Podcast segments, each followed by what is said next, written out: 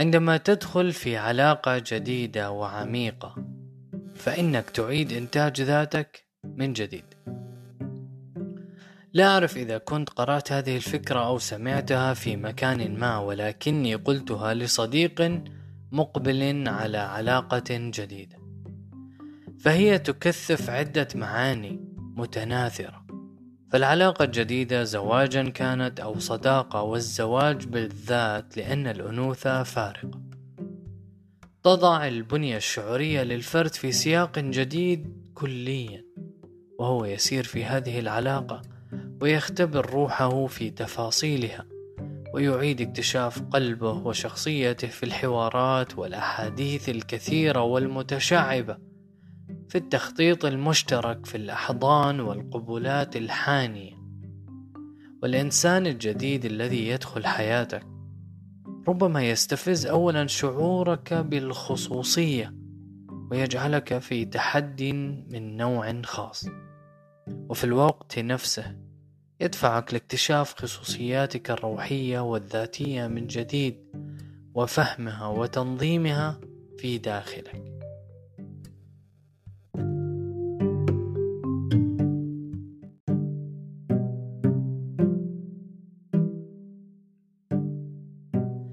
الإنسان الجديد يستفز رغبتك بأن تكون مفهوما وهي رغبة فطرية تجعلك تضع سلوكياتك في إطار عقلاني معلل ومنسجم ولأن طبيعة المجريات لا تتيح ذلك أحيانا. فأنت تجد نفسك منساقا للتفسير والتبرير لدى الطرف الآخر لإثبات المسار الطبيعي للأشياء. وهنا تجد أنك تعيد ترسيخ أو ابتكار الإطار الناظم لأفعالك اليومية ربما لم تفكر بهذا الأمر من قبل حين كنت تعيش لوحدك أو مع صداقات سطحية وعلاقات قرابية لا تحتاج معها لكل هذا. فأنت بالنسبة للزميل لست مهما حتى تحتاج لتفسر له ذاتك. وبالنسبة للأهل والقرابة فأنت من الوضوح بحيث لا تحتاج أصلا لذلك. فتأتي العلاقة الجديدة لتجعلك في بؤرة الاهتمام يشير عالم الاجتماع الأمريكي بيتر بيرجر وزميله عالم الاجتماع توماس لوكمان في كتابهما المهم البنية الاجتماعية للواقع. إلى أن أهم وسيلة لصيانة الواقع هي المحادثة وذلك لأن الفرد يرى الحياة اليومية في ضوء آلية المحادثة التي تحافظ على بناء واقعه الذاتي وتعدله وتعيده باستمرار. الواقع الذاتي لشيء ما لا يمكن الحديث عنه يصبح امرا مضطربا وتعطي المحادثة ابعادا ثابتة لعناصر مفهومة في السابق بصورة عائمة أو غير واضحة. فقد تكون لدى الفرد شكوك حول دينه ولكن هذه الشكوك تصبح واقعا بصورة مختلفة عندما يبدأ بمناقشتها أي أن الفرد يجر نفسه إلى هذه الشكوك لكي تصبح موضوعيا أو واقعا في سياق وعيه. والإنسان الجديد الذي تدخل معه في علاقة حميمة يستفز فيك الرغبة في الحوار وتبادل الأحاديث وتشعر معه بمتعة الحكايات ولذة ابتكار أو تجديد سردية معتبرة لقصة حياتك وشكلا محددا لذاتك.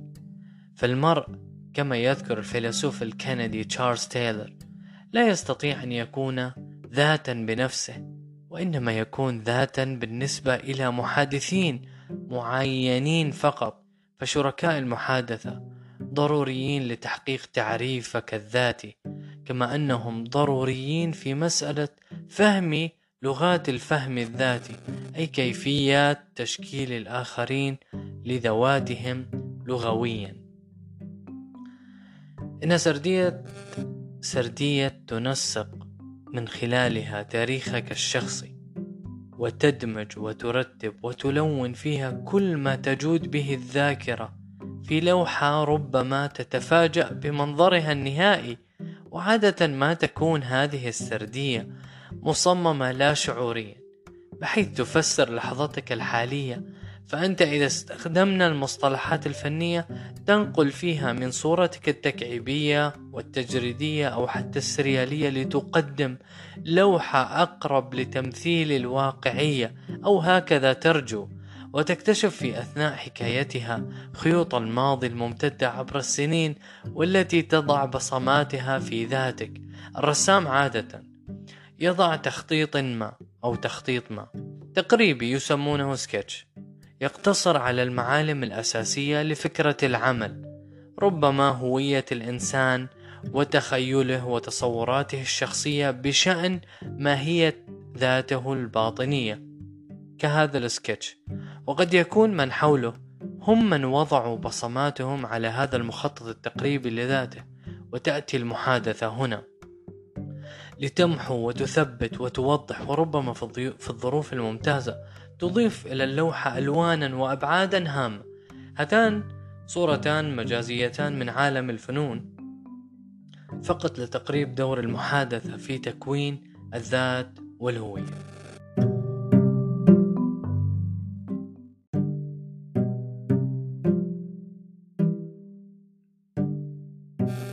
قرأت مرارا لأدباء وفلاسفة يعبرون عن انبهارهم بالمسارات الغير متخيلة التي تمضي إليها حواراتنا مع من نحب.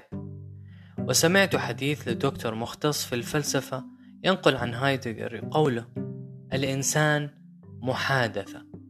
لا أعرف سياق هذه الجملة ولا معناها في فلسفته الوجودية وإذا كان هايدغر قالها فعلا أو لا.